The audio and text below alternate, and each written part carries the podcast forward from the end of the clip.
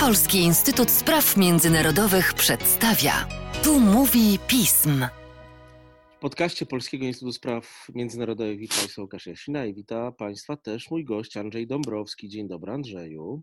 Dzień dobry Łukaszu. Mamy piątek tuż przed najważniejszym co cztery lata wydarzeniem Stanów Zjednoczonych i myślę, że całego świata w tym roku, chociaż hmm, to jest może kontrowersyjne. No, po raz pierwszy wybory prezydenckie w Stanach Zjednoczonych to nie jest najbardziej interesujące nas wydarzenie nie przez Amerykanów. We wtorek wybory musimy podsumować tak troszkę naszą kronikę amerykańską, ale podsumować ją nieco inaczej niż zwykle, skupić się na sprawach e, ogólniejszych, ale i innych niż wybory. Zapominamy, że w Stanach Zjednoczonych bowiem wybiera się nie tylko prezydenta, ale i kongres i wszystkie lokalne instytucje w Stanach. W ogóle w Stanach Zjednoczonych istnieją o gigantycznej ilości stanowisk wyboru, bo i prokuratorów generalnych się w pewnych stanach wybiera, i szeryfów, i tak dalej, i tak dalej. Amerykanie mają wybory, kampanie wyborcze we krwi a w najbliższy wtorek do tych najważniejszych wyborów dojdą jeszcze inne wybory, między innymi częściowe wybory do obójstw amerykańskiego kongresu. Andrzeju, kogo jeszcze we wtorek Amerykanie wybiorą? Już mówię, Łukaszu. Otóż, tak jak wspomniałeś, Amerykanie wybierają całe mnóstwo różnych swoich przedstawicieli, urzędników, władz wykonawczych i władz ustawodawczych na poziomie federalnym i stanowym, ale my dzisiaj skupimy się przede wszystkim na tym, co się będzie działo w wyborach do kongresu, a zwłaszcza do Senatu, no bo tutaj Senat mhm. będzie kluczowy dlatego, żeby w jakiś sposób zdefiniować, też zdefiniować y, przyszłą prezydenturę albo Donalda Trumpa, jeżeli ten zwycięży, albo Joe Bidena, jeżeli jemu uda się właśnie uzyskać mandat do rządzenia w Białym Domu. Oczywiście Amerykanie wybierają w tym cyklu wyborczym Izbę Reprezentantów, ale przede wszystkim właśnie połowa senatorów, no prawie połowa, dokładnie 35 miejsc na, na 100 senatorów. Te mandaty są do wzięcia.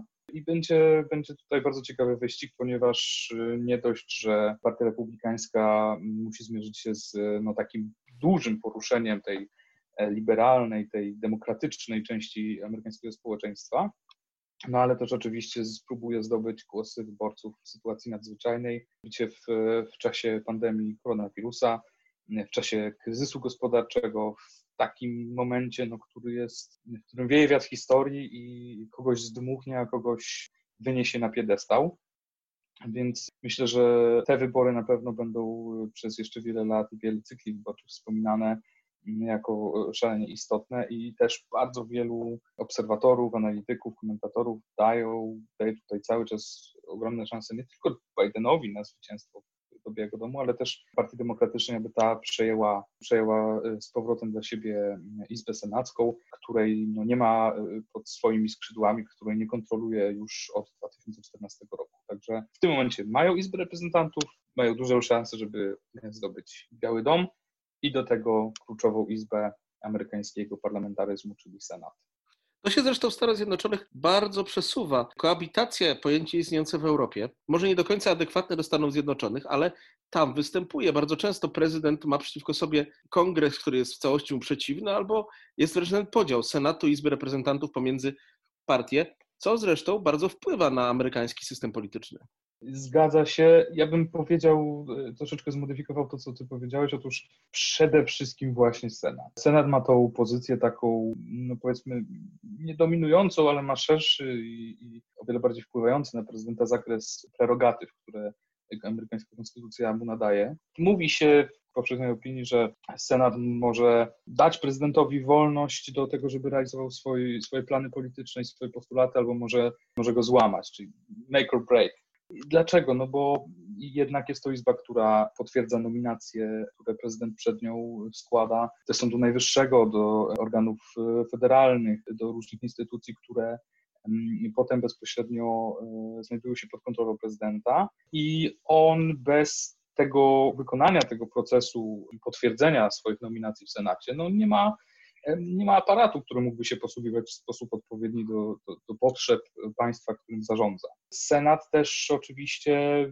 spada na niego połowa tej całej procedury i machiny ustawodawczej, którą w Stanach Zjednoczonych współdzieli z Izbą Reprezentantów. Także odpowiada za, za, częściowo za to, jak no, najważniejszy element funkcjonowania każdego państwa, jak i gdzie będą wydawane pieniądze podatników. Także, także mamy do czynienia z bardzo potężną izbą, o której już wspomniałem od 2014 roku, czyli jeszcze za czasów Baracka Obamy, która znajdowała się pod kontrolą Partii Republikańskiej. Natomiast Izba Reprezentantów już była pod kontrolą Partii Republikańskiej od 2010 roku. Także jeżeli spojrzeć na prezydenturę Baracka Obamy, no to, to należy zwrócić uwagę na fakt, że on jednak te swoje najważniejsze osiągnięcia polityczne w, w obszarze polityki wewnętrznej przeprowadził przez pierwsze dwa lata swojego urzędowania, a potem już miał zdecydowaną trudność, no bo musiał jednak dogadywać się z partią republikańską, z kongresmenami, z senatorami, którzy mieli e, inny sposób patrzenia na rzeczywistość niż Obama, ale jednak spełniali w jakimś tam stopniu to zadanie dogadywania się. Oczywiście w Senacie to wyglądało troszeczkę inaczej, bo e, jednak e, szef senackiej większości również obecnie, Mitch McConnell, który kiedy objął tą, tą pozycję lidera w 2014 roku, w imieniu Partii Republikańskiej, no, robił bardzo wiele, żeby blokować różne inicjatywy Baracka Obamy. Starał się jednak, aby prerogatywy tej Izby jak najlepiej wykorzystywać na korzyść swojego środowiska politycznego i swoich celów. I no, skutecznie dosyć to zrobił. No i oczywiście ostatnie prawie 4 lata z Donaldem Trumpem, no to już była, to już było tango dwójki właśnie Biały Dom i Senat.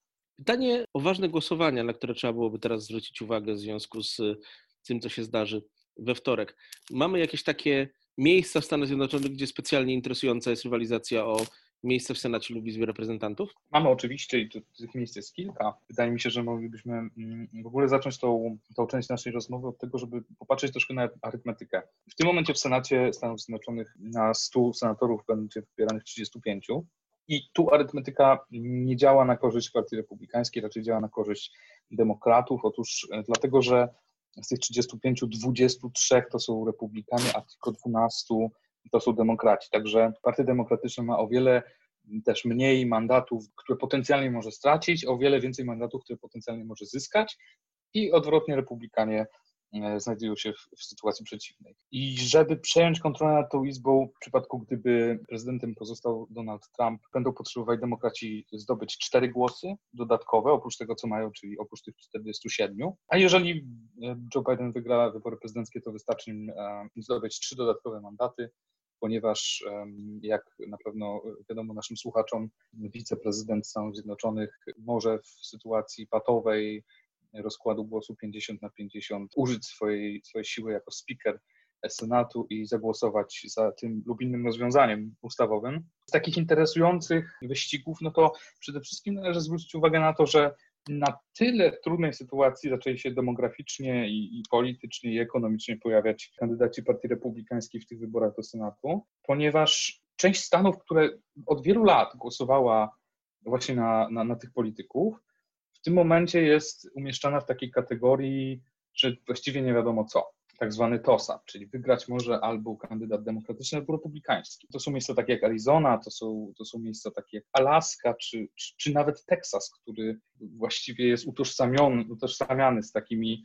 mm, właśnie tradycyjnymi republikańskimi wartościami, z, z, tym z tą swobodą dostępu do broni, wypowiedzi i niskimi podatkami i wolnością gospodarczą. Także dochodzi do bardzo ciekawych, do bardzo ciekawych zmian. Są miejsca takie jak Południowa Karolina, gdzie mm, bardzo wpływowy republikański senator Lindsey Graham, który jeszcze w 2014 roku wygrywał ten stan z 14% przewagą nad swoimi oponentami. Teraz nie ma tej samej pewności, czy w ogóle będzie w stanie wygrać i utrzymać swoje miejsce w Senacie nagle republikanie obudzili się i zaczęli bardzo mocno inwestować pieniądze właśnie w te, w te stany, takie jak Arizona, Colorado, jak Południowa Karolina, jak Teksas, Alaska e, czy Georgia.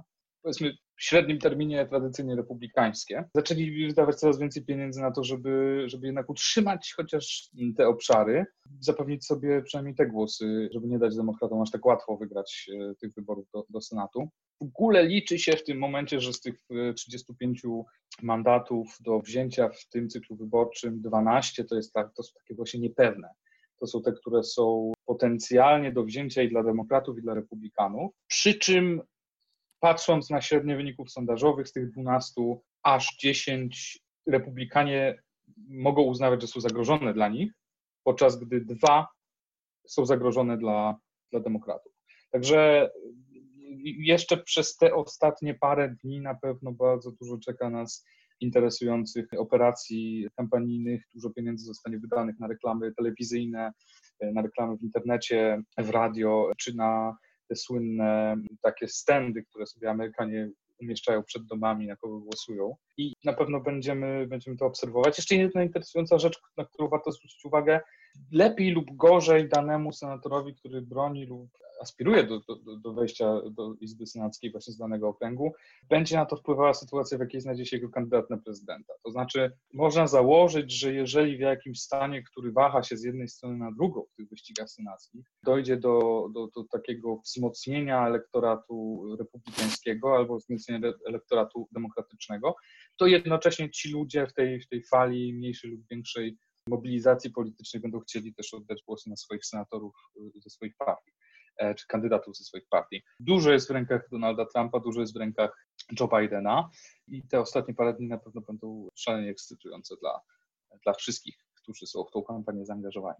Podsumowując to powoli, jaki ty typujesz układ sił w kongresie jak na razie? Czy to jest do wytypowania i jaki będzie generalnie obraz rządzenia Stanami Zjednoczonymi od stycznia w wypadku wygranej Trumpa i Bidena przy kongresach, które są zupełnie inne? To znaczy, jeżeli chodzi o typy, to y, ja pozwolę sobie tutaj trochę uchylić się od odpowiedzi na to pytanie, ale mogę odpowiedzieć w ten sposób, że y, kiedy dwa lata temu były wybory uzupełniające również do, do Senatu i w Instytucie analizowaliśmy to, co może się wydarzyć, to arytmetyka była wtedy przeciwko demokratom.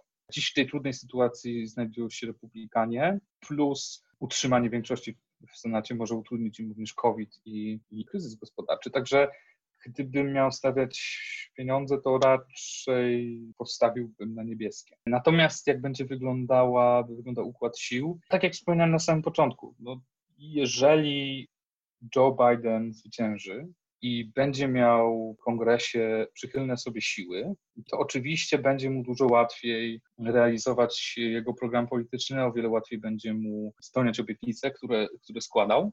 Natomiast ja cały czas powtarzam, nie zapominajmy o tym, że jednak Partia Demokratyczna też nie jest monolitem, który na każde pstryknięcie palca y, prezydenta czy, czy, czy kandydata na prezydenta ugnie się pod jego wolą. Tam pod tą błękitną flagą znajdują się różne nurty i, i ten, na który my zwracamy uwagę w tej chwili z kolegami w instytucie, no to są tak zwani progresywiści, którzy mają bardzo liberalną, bardzo taką reformatorską agendę w ramach swojej struktury politycznej wewnątrz demokratów.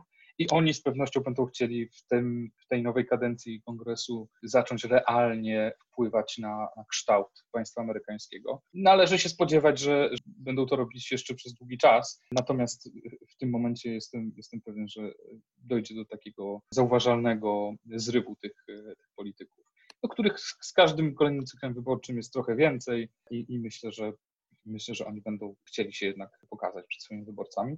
Natomiast jeżeli wygra Trump, a Senat pozostanie w rękach demokratów, no to właściwie coś w rodzaju powtórki z Obamy, czyli owszem jest prezydent, ale ma bardzo słabe, niemalże zerowe możliwości realizowania swoich koncepcji, przynajmniej na drodze inicjatyw ustawodawczych, przynajmniej na drodze tego najsilniejszego mandatu, czy popartego jakąś jakimś prawem. Także skomplikowany układ, który będzie ciężko przerwać. Ze względu na niechęć, która panuje po obu stronach tej sceny politycznej amerykańskiej, myślę, że bardzo interesujący również dla nas, jako dla obserwatorów. Pożyjemy, zobaczymy, jak to brzmi parę dni przed wyborami. Proszę Państwa, spotkamy się z Andrzejem, z Mateuszem Piotrowskim już w środę po wyborach i będziemy próbowali podsumowywać to, co się zdarzyło. Andrzeju, dziękuję Ci bardzo za dzisiejszy podcast. Dziękuję serdecznie.